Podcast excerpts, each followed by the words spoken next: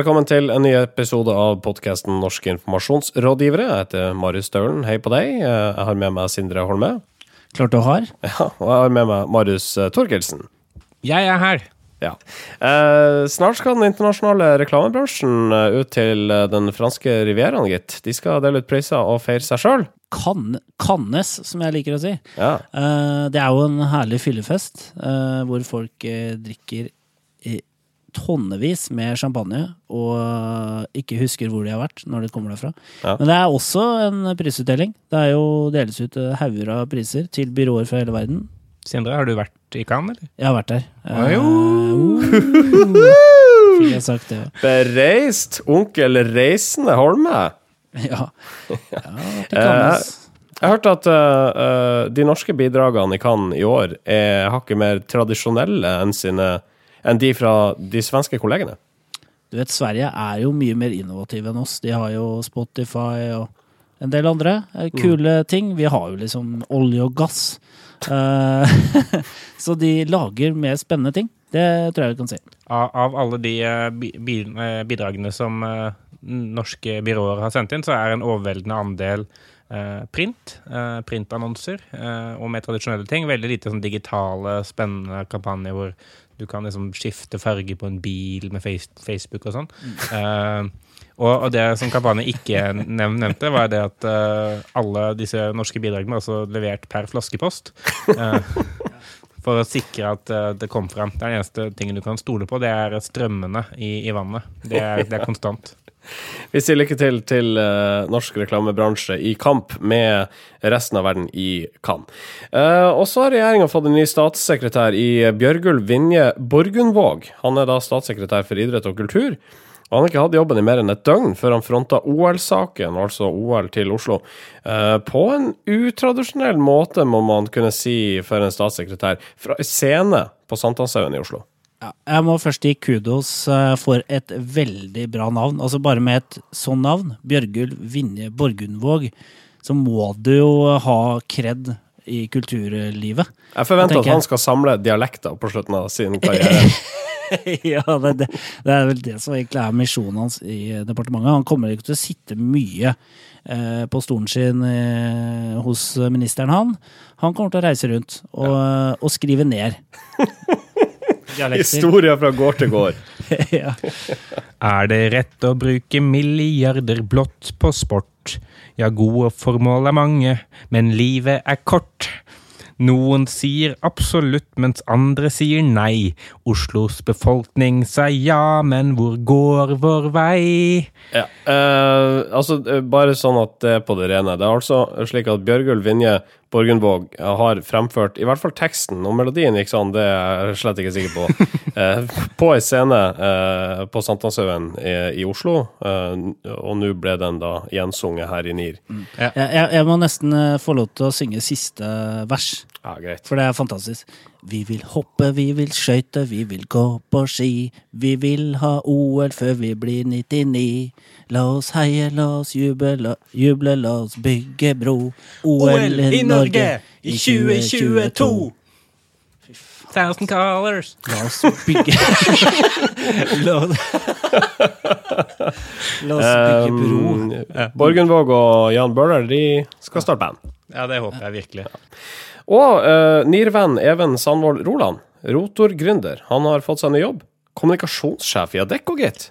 Ja, det, det er ikke verst. Eh, Jeg sy- synes han uttrykte det ganske morsomt i kampanje. Sånn, altså først etter å ha blitt eh, tidenes yngste kom- kommunikasjonsrådgiver i Gelmøyden Krise i en alder av 19, og starta eget byrå i en alder av 21, så var det bare rett og rimelig at jeg skulle bli kommunikasjonssjef i en alder av 23. Eh, og det, det er jo ganske Hvis han fortsetter sånn, så kommer han vel til å bli statsminister før han er 30, tror jeg. Ja, nei, det tror jeg jo. Han har jo opplevd ganske mye på sine 23 år. Uh, når jeg var 23, så ja, drakk jeg øl, eh, så vidt jeg kan huske. Eh, jeg husker ikke egentlig at jeg hadde gjort noe særlig mer enn det. Du drakk så mye øl. Ja. eh, satt på garasje i Bergen og drakk øl og hørte på indie-rock. Jeg, jeg så faktisk Even på gata i dag. Eh, han kom hastende forbi, men, men han, jeg, jeg sa hei, han sa hei, og så stoppet han ikke. Å nei. nei. Eh, Ja, Man har blitt kommunikasjonssjef i Adecco, vet du. Jo, men jeg, jeg, men jeg prøver, prøver, så prøvde liksom å sakke farten da, sånn for kanskje få i gang en samtale, men, men han hasta forbi. Sikkert. Det er en Så, foto, sånn fotoshoot. ti meter fra hverandre så begynte du å sakke farta. Ja, ja. og Sånn, vise tydelig at Oi, la oss ha en samtale. Uh, Men, men tok du ut armene som for at du liksom skulle omfavne den? Var det det? Han har glemt oss nei, ja, det var litt eh, omfavningens uh, ja, fra meg. Ja, nei, men uh, vi får uh, ja. Eh, og da skal vi sette i gang. Dette her er altså enkelt Jeg, jeg vil tro at dette her er en sending som uh, i TV-sammenheng ville blitt feira. Altså, det her er episode 75. Ja, altså Det tror jeg er flere episoder enn uh, der ingen skulle tro at noen uh, kunne by, hadde. Ja. og antikviteter og snurrepiperier. Vi er snart på, på høyde med hjertebrettestaten. ja, men da setter vi i gang. Norske informasjonsrådgivere. En eh, annonse for Audi har vært gjenstand for diskusjon de siste dagene. Det dreier seg om en eh, tosider som var planlagt publisert i Dagens Næringsliv. Men avisa, ved redaktør Amund Juve, satte foten ned. Dette kan forveksles med redaksjonelt innhold, mener Juve og eh, Dagens Næringsliv. For annonsen er, i alle fall til en viss grad, utforma som en tradisjonell avisleder. Ja, eh, Annonsen eh, har eh, stått i flere norske publikasjoner, bl.a. i Økonomisk rapport av Aftenposten Innsikt. Men Amund Juve, som er redaktør i DN, han sa nei. Dette her er helt Dette her tror jeg kanskje bryter med Vær varsom-plakatens paragraf 2-6. Eh, Som eh, handler om at man skal avvise reklame som etterligner redaksjonelt produkt. Ja, for, eh, forsøk å mm, Dette er jo et dårlig format igjen, da, for å visualisere. Men eh, forklar nå hvordan den annonsen er utforma. Ja, det er da en eh, tosiders annonse, eh, hvor eh, la 75% av sidene er en bilde av en Audi. Og så på, på helt til venstre, de siste 25% det er en hvit eh, enspalters, eh, hvor det øverst på denne hvite firkanten står 'leder', eh, til, til forveksling lik lederartikkel. Det er, det er jo en annonse som helt klart spiller på redaksjonelt en redaksjonell utforming av stoff. Altså, hadde du sett den her i et annet, plassert et annet sted i et magasin eller avisa, så ville man eh, tenkt at dette var en kjedelig annonse, og for en dårlig overskrift. Leder, det kan jo ikke en annonse ha som overskrift. Det må nesten være uh, først i avisa for at det skal være et poeng her. det, det må være at, uh, for at det skal fungere. Uh, Torbjørn Naug i Bates, som har lagd reklamen, han, han sier jo at den kampanjen har jo gått over et år og har stått i de fleste magasiner. Eh, og han innrømmer jo at den spiller på liksom at den står på lederplassen i magasinet, men mener at, at Juve undervurderer leserne sine Uh, hvis han tror at leserne forveksler dette her med redaksjonelt stoff. da. Uh, logoen deres er her. Bilen tar stort sett hele sida. Kanskje ikke så lett å forveksle med en tradisjonell leder i Dagens Næringsliv. Nei, jeg er ikke helt uh, enig med deg. For jeg, jeg, jeg synes jo det at uh, når man ser uh, altså Det kunne, fort vært at bildet i denne annonsen og da teksten at de kunne vært to separate ting. Da, sånn at kanskje DN eller D2 da, hadde eksperimentert med nytt type annonseformat hvor man hadde en, en helt eller halvannen siders bilde ved siden av lederartikkelen. Så jeg, jeg tror at folk til forveksling kan stoppe opp og begynne å lese fordi de tror det kan være en lederartikkel, eh, og at de selvfølgelig vil skjønne med en gang at dette ikke er en lederartikkel, eh, fordi det, er jo kun veldig tydelig reklametekst, men bare det at man da bruker det blikkfanget som et redskap for å skape høyere oppmerksomhet rundt annonsen, kan jeg forstå at de synes er problematisk. Mange vil nok begynne å lese i den tro at her er det en leder jeg skal begynne å lese. Nå skal jeg lese en leder. Jeg gleder meg til å lese. Jeg skal hente meg en kopp kaffe, eh, koke et egg, og så skal jeg lese lederen mens jeg spiser det egget og drikker kaffen. Hva i alle Veldig mye om Audi, og at forspranget ligger i teknikken. Eh, veldig På mange måter er Audi som DN. Jo da, jeg kan være enig i det. Eh, kan du tenke. Men, eh, men det kan bli litt voldsomt. Men det jeg tenker, altså fra reklamebyrået sin side Jeg skjønner, eh, jeg skjønner de, de har jo sånn kreativt uttak så har de valgt å snakke om at Audi er en leder. Og det er greit nok, men jeg lurer på hva de tenker rundt at uh, kanskje den annonsen her også skaper en del irritasjon. Nettopp fordi at mange begynner å lese det i den tro at det faktisk er redaksjonelt innhold. og så finner du ut at aha, noen har prøvd å lure meg, dette er reklame. Litt om uh, hvis, hvis man hadde hatt det på nett, da. uh, hadde hatt et sånt digitalt bilag med en inngang hvor det sto sånn Du ville ikke tro hva denne bilprodusenten gjorde. Og så, og så klikker du, og så står det De, lanserte en ny bil, da. ja, ikke sant. All right. Uh, skal vi uh, forsøke oss på en tommel opp eller tommel ned for redaktør Amund Juves nei til denne lederannonsen i Dagens Næringsliv? Jeg syns han redegjør godt for hvorfor han uh, ikke vil ha annonsen der, og han sier han vil ikke bli felt av PFU.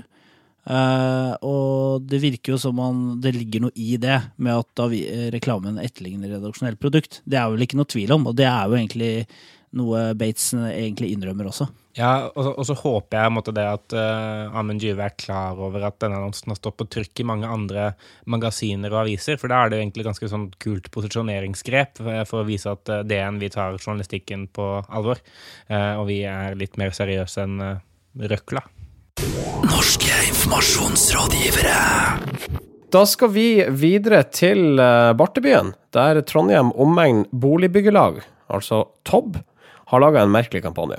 For Ja, TOB mm. ja, sorry. Skal jeg få prate ferdig, eller Ja, sorry. har du lyst til å prate? Sorry. Bare fortsett. Jeg har bare lyst til å si at det lages mye rart i Trondheim. For det, det er stort sett når vi snakker om Trondheimskampanjer, så er det veldig rare kampanjer. Men det kan jeg komme tilbake til. Jeg kommer, jeg kommer til det.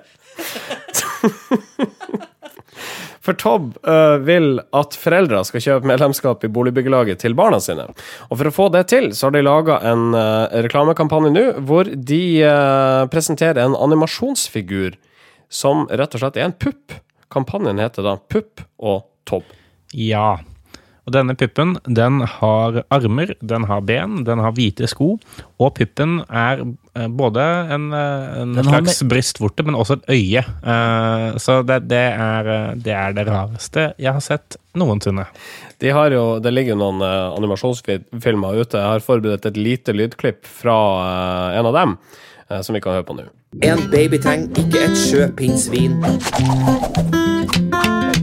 Eller funka ny popkornmaskin. En baby trenger ikke en firerbob. Det eneste den trenger, det er pupp og tobb. Pupp, topp, pupp. Å, å, å, å, tobb. Pup, faktisk. Men, men se for dere det her sunget av en vandrende pupp. Ja. Og budskapet er da at eh, barn ikke trenger noe annet enn et medlemskap i Tobb. Ja, altså, og pupp. Ja, eh, jeg, eh, eh, man blir jo veldig distrahert av puppen, så det er liksom vanskelig å vurdere en kampanje her sånn veldig seriøst. Fordi det, det, minner, det, det er nok henta litt inspirasjon fra den der Dumb Ways to Die-kampanjen Ja, som eh, ble lagd i Mel Melbourne eh, i fjor, som vant uh, hauger av priser i Cannes i fjor. Eh, som jo er animasjonsfigurer som er litt i samme gata, egentlig. Litt sånn rare eh, figurer og, en, og en catchy låt. Den er låten for øvrig. Eh, jeg lurer på om det er de samme som har lagd denne Kosinus-låta på barne-TV. Det minner veldig om det. Nå har jeg sett masse barne-TV, så det vet ikke dere. Den har ikke jeg sett. Eh, men hvorfor en pupp? Ja, fordi at det er jo eh, Det er liksom det Det er Maslows eh, behovspyramide som spiller inn der, da. Ikke sant? Det er mat, det er det viktigste, og så er det kjærlighet, eller trygghet, da. Og, og det er Tobb da som står for denne tryggheten, og så er det puppen, da. eh, som jeg ikke skjønner hvorfor er her, for det, det er vel ikke et boligbyggelag som, eh, som uh, står for den? Nei, altså, nei, jeg, jeg vil jo tenke, tenke det at uh, det har sikkert vært et sånn kreativt møte hvor, hvor uh, de har kommet som til en sånn åpenbaring og sagt at jo men, jo, men, jo, men alt du trenger er jo bare Tobb. Hvis du har Tobb, så trenger, da trenger du ikke noe mer, for da får du leilighet. Og så, er det, og så sier kunden, altså da Tobb sier sånn Ja, men du, du kan ikke overleve hvis du ikke får mat, da. Og barn får jo mat av pupper. Ja, ok, vi tar med begge to, da. Så det er to ting man trenger. Nederst i Maslows eh, behovshierarki, der finner man altså, og da snakker vi om for spedbarn, pupp og medlemskap i Topp. Men den, denne puppen sitter jo ikke fast på noe. Eh, Det er jo det er mitt eh, ankepunkt mot dette her. Eh, Fordi en pupp i seg selv er veldig lite brukbar hvis den ikke sitter fast til et menneske. Mm. Og denne puppen her er jo ute på vift. Den er, den er frigjort fra sin tvillingbror eller søster, og, og også den personen den tilhører. Ja. Og det, det gjør dette bare litt skremmende. Eh, det er rare greier. Uh, avslutningsvis, det, det er lenge siden jeg har fått, fått uh, si. Ja. Eh, så, så virker det som om Tobb har tenkt at de skal jo selge det, disse medlemskapene til foreldre, men de har lagd en reklamefilm for barna. Eh, og der har de bare bommet fullstendig, syns jeg. Så jeg gir tommelen ned. Ja, jeg gjør også tommelen ned. Så til Fredrikstad, hvor Fredrikstad Blad merker opplagsnedgangen som alle andre. Nå ber avisa på sine knær, både lesere og abonnenter, om å bidra til at eh, de også i framtida klarer å holde hjulene i gang. Hvis du synes vi gjør en viktig, eller i det minste en ålreit jobb, trenger vi deg nå, skriver avisa i et tryglende innlegg på egne nettsider. Ja, det, vi har vel ikke sett maken til ærlig eh, innlegg fra en redaktør i norsk presse på lenge. Det er René Svendsen som har et sånn eh, langt eh, tiggerbrev, kan man egentlig si, på redaksjonell plass i Fredrikstad Blad, der han ber deg enten eh, kjøpe papirabonnement eller eh, annonsere, eh, hvis du er i den situasjonen hvor du kan eh, kjøpe annonser. Det er, som eh, det nevnes, et eh, svært spesielt grep eh, ansvarlig redaktør tar her. Hva syns dere om det? Eh, Jeg, jeg, jeg tror at du må Jeg tror at det er en eller annen rolleforståelse som må være ganske god her for at det her skal funke. Altså, det er jo bare én dagsavis i Fredrikstad. Og jeg tror nok folk som bor i Fredrikstad blir lei seg hvis denne avisa ikke lenger eh, klarer å holde hodet over vannet. Så jeg tror faktisk eh, det her er noe som kan fungere. Eh, Folk hater jo at pressen syter, eh, og mener jo stort Altså, de fleste mener jo at eh, pressen er arrogant og eh, gjerne selvrettferdige. Men eh, jeg vet ikke. Her, her er det Her inviteres det på, inviterer de på dugnad, og jeg syns det er litt interessant. Jeg er positiv til det, tror jeg. Ja, eh, jeg vet ikke helt, jeg. Jeg, jeg synes jo sånn, Det kan kanskje gi en, en sånn kortsiktig effekt. da, At man, at man klarer å skape et engasjement rundt det på kort sikt, hvor folk tenker at oi, ja, nå må jeg huske å kjøpe den avisa.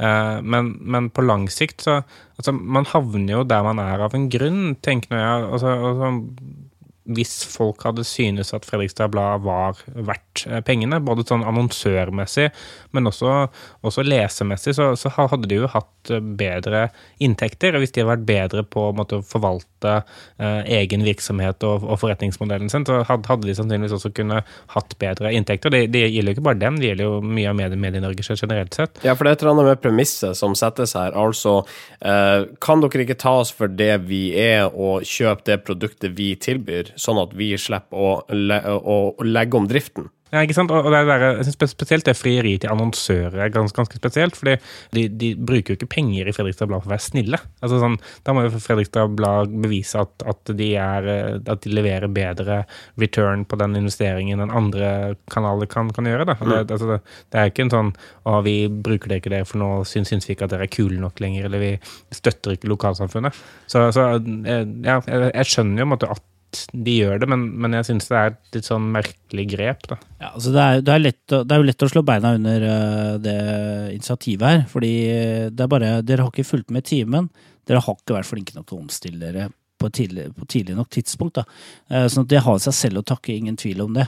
Eh, samtidig så, ja, så syns jeg det er eh, eh, interessant, og jeg tror at eh, siden de er den eneste avisa, dagsavisa i, i den regionen her, så tror jeg det kan lykkes da, med et sånt uh, utspill som det er. Da mangler vi en uh, tommel fra Torkelsen. Ja, ja, den, den går ned, den, altså. Men, men uh, når det er sagt, så uh, Ja, det er jo de, de kunne jo håndtert det på verre måter. ja, de kunne jo det. De kunne jo lagd, lagd en sånn eh, Fredrikstad Blad markedsavdelingssang en gang til, blant annet. Ja, det kunne de gjort. Derfor så må det bli soleklar tommel opp. Ok, vi går videre nå. Norske informasjonsrådgivere. filmen Edge of Tomorrow er ute på kino nå, eh, og hovedrolleinnehaveren der heter Tom Cruise. Eh, og godeste Cruise han er av flere grunner en noe omstridt skuespiller, med føtter planta i flere kontroversielle leirer. Eh, Og selvfølgelig så ville det vært interessant eh, og naturlig for en podkast som denne her å diskutere omdømmet til godeste Cruise. Men det trenger vi ikke, for vi har fått hjelp fra USA. Det stemmer. Vi har fått inn et uh, reisebrev. Eh, tikket inn her uh, nylig uh, fra Andreas Ilebekk, som holder til på vestkysten i LA. Han er jo både journalist og artist, Illebekk. Flink til begge deler. Han jobber jo blant annet i VGTV. Og var med i Grand Prix i vinter. Men han har sendt oss et interessant brev som egentlig oppsummerer hvor Tom Cruise står i dag. Da skal ikke vi prate mer, før vi gir ordet til Andreas Ilebekk. Tom Cruise er igjen aktuell med en ny storfilm. For amerikanske medier er det dermed igjen tid for å stille spørsmålet hvorfor i huleste er Tom Cruise tilbake med en ny storfilm? Det har nemlig blitt fast tradisjon at enhver ny Tom Cruise-film ledsages av de samme mediesakene som ved forrige filmlansering, om at Tom Cruise har falmet som filmstjerne, at han har blitt box office poison, samt kritikk av hans scientologimisjonering og kontroversielle syn på psykiatri. Ikke minst hans ekstatiske spretting på sofaen til Oprah Winfrey i 2005. Spesielt sistnevnte episode vekker fortsatt intens harme. Ja, i dagens USA, med alle landets utfordringer, er det altså det å hoppe i sofaen som fortsatt er det store fysjet om. Nobody cares about Tom Cruise movies anymore, kunne man nylig lese på The Daily Beast. Dette er snodig av én enkel grunn. Tallene tilsier at Tom Cruise fortsatt er en av verdens aller største filmstjerner. De siste fem årene har han spilt inn fem filmer. Ifølge Forbes har disse generert over 1,5 milliarder dollar på et totalbudsjett av 517 millioner. Dette utgjør altså et overskudd på 1 milliard dollar på filmer som det ifølge amerikanske medier ikke er noen som har sett.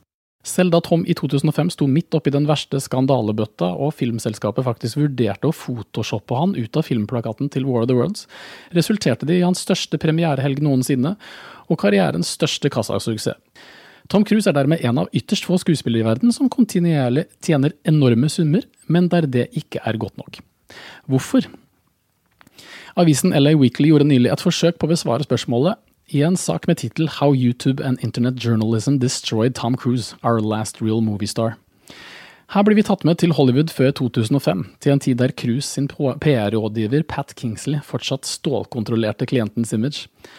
Om pressen prøvde å yppe seg, fikk de søksmål i posten eller sto i fare for å miste tilgang til andre på hennes eksklusive klientliste.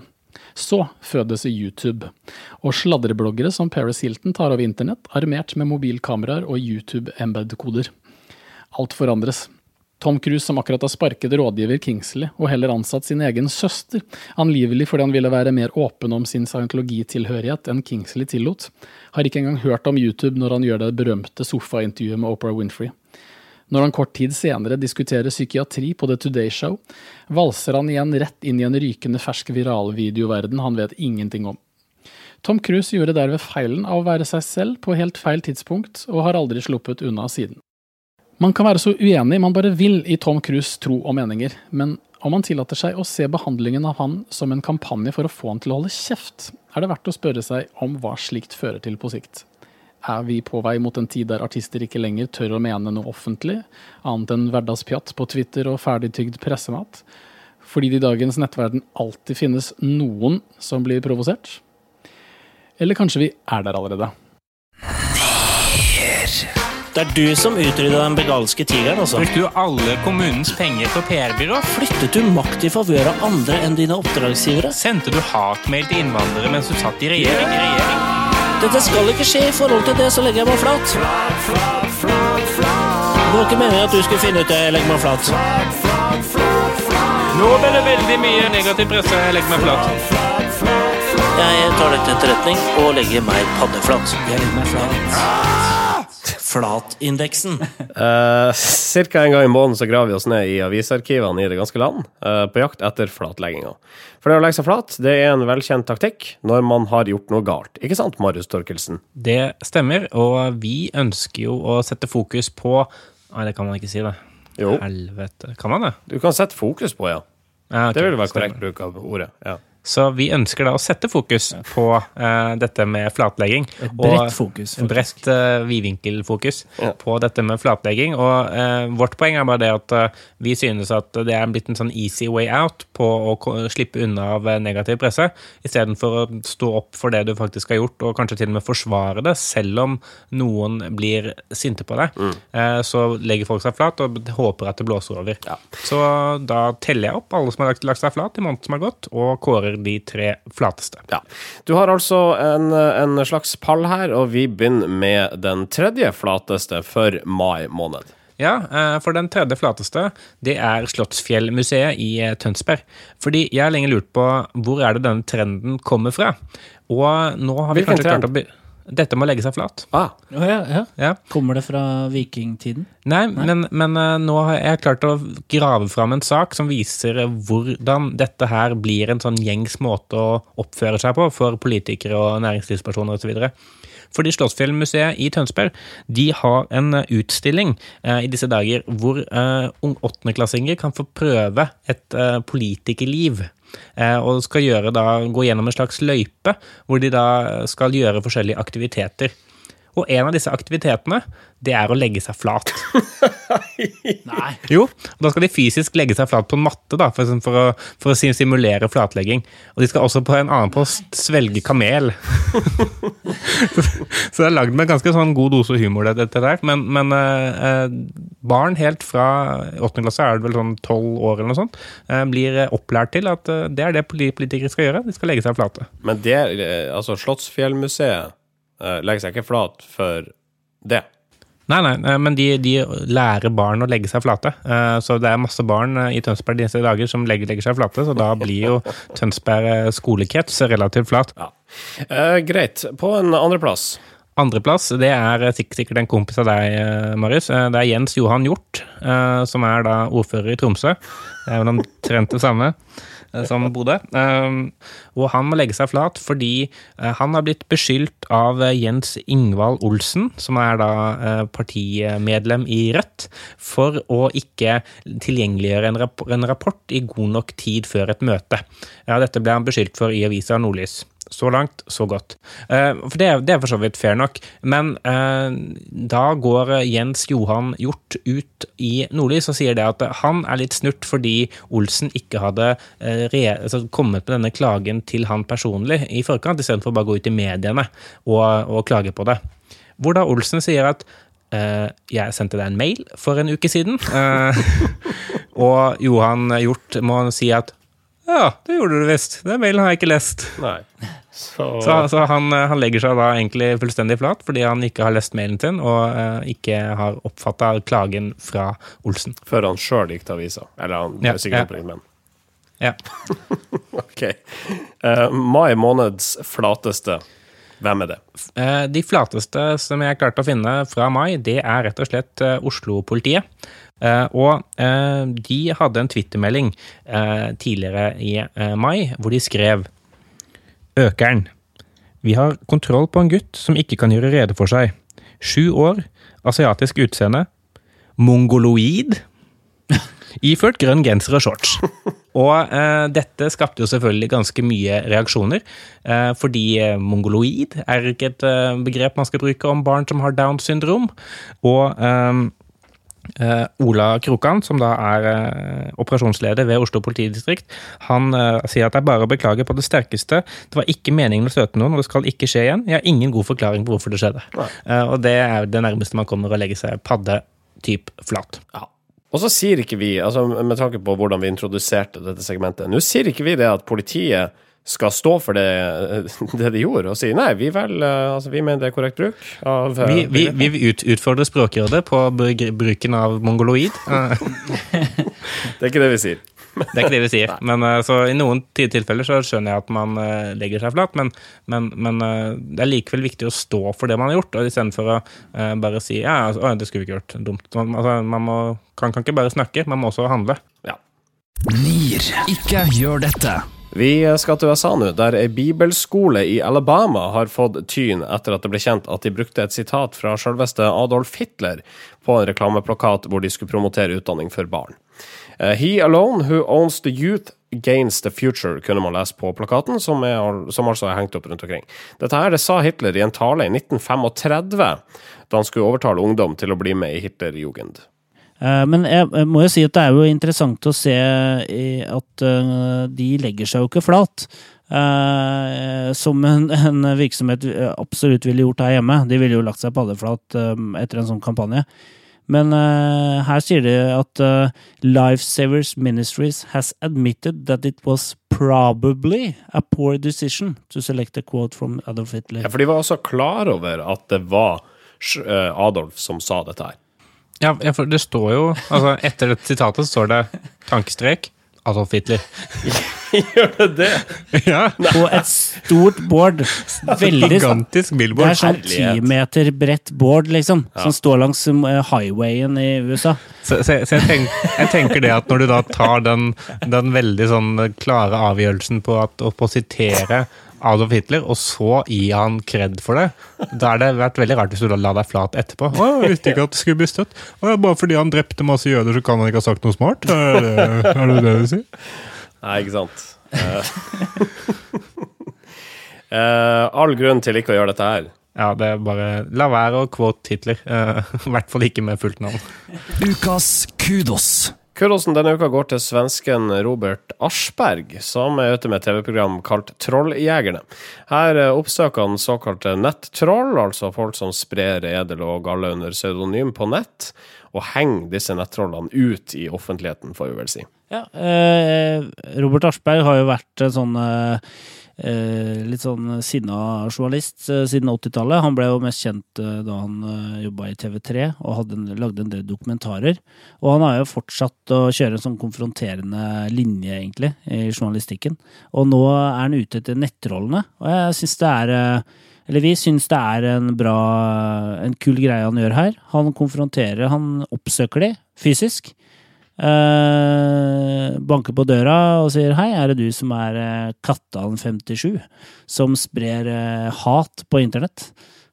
Og da blir jo nettrolla litt sånn spak, da. Jeg vet ikke hva han taler om. Men altså, det at folk sprer eder og galle anonymt på nett, er det skjellig grunn til å bli eh, satt i gapestokk? Altså, det kommer litt an på hva man skriver, da, men sånn som eh, Dagbladet TV har fått eh, tilgang på et eh, klipp hvor han oppsøker en kvinne som, som sier at eh, hun blir så provosert over et eller annet at hun har lyst til å, eh, til å bli den nye lasermannen. Og det er jo klart at når man eh, utstreder det som kan tolkes som drapstrusler, så er det jo greit å bli konfrontert med ja, mener du virkelig dette her, eller, eller er det bare noe du skrev fordi du er Altså, teit? Men så kommer jo spørsmålet da. Er det Michael Aschberg sin jobb å gjøre dette her, eller er det politiet som eventuelt må eh, etterforske uh, drapstrusler? Potensielt, altså der det kan tolkes slik, i hvert fall. Begge deler. Altså, han er, øh, han er øh, journalist, dokumentarjournalist. Altså, på lik linje med andre folk som oppsøker offentlighet og ønsker oppmerksomhet i offentligheten, så må også nettroll kunne tåle å, å, få, å få lys på seg. Da. Han er jo ikke ute etter å henge de ut i utgangspunktet, han er ute etter å snakke med de. Eh, og spørre om hvorfor de, hvorfor de mener det de mener. Og det, det mener jeg det er, det er hans fulle rett. Og jeg syns den formen, eh, måten han gjør det på, er helt riktig. Ja. Det er altså Robert Aschberg, eh, svensk journalist og programleder for Trolljegerne, som får ukas kudos. Gratulerer. Norske informasjonsrådgivere. Uh, Sendinga er snart over. Vi har vel ikke noe mer å prate om, vi? Nei, vi, vi er ganske tom for ting å prate om, vi. Åh, jeg er så utprata. Jeg har ikke noe mer å si, altså. Har du noe mer å si? Jeg har ikke noe mer å si, altså. Har du? Nei. Har du? Jeg har null, eh, Ja, null ting sånn å null. si. Nada, altså. Det er fotball, det er fotball-VM. Jeg er jo i gang, egentlig, når den sendinga her er på lufta. Ja. Bra kamp, da. Ja, det var kjempekamp i går. Kjempekamp. Det var litt overraskende, den kampen mellom Brasil og Kroatia. synes Ja, og Den ene situasjonen der, den, kommer, den var Der gjo- gjorde dommeren enten rett eller galt. eh, Litt an på hvilket lag du heier på. Ja, altså, altså, det målet var jo nydelig, hvis vi kan si det var et mål, da. Ja, altså Altså, Det var i hvert fall et, et, mål, et mål for et av lagene å få det resultatet som ble. Det skal bli interessant å, å høre denne sendinga da igjen eh, i etterkant av den aktuelle kampen. Eh, vi har ikke så mye mer å si akkurat nå, men eh, vi kommer med noen smådrypp også gjennom eh, ukene. Og eh, det gjør vi på Facebook. Facebook.com slash Nearcast. Og ellers så kan du eh, sende oss en e-post dersom du har noe på hjertet. Nearcast at yahoo.com. Takk til Andreas Ilebekk, VGTV-journalisten, som eh, bidro til denne sendinga i form av et reisebrev fra Los Angeles eh, om Tom Cruise. Takk også til Daniel Milford Flathagen, som uh, satte oss på sporet av den eh, sære pupp- og tobb-reklamen fra Trondheim. Eh, da tror jeg vi signer ut. Marius Staulen sammen med Sindre Holme og Marius eh, Torkelsen sier adjø. Vi snakkes om ei uke. Ha det! Norske informasjonsrådgivere.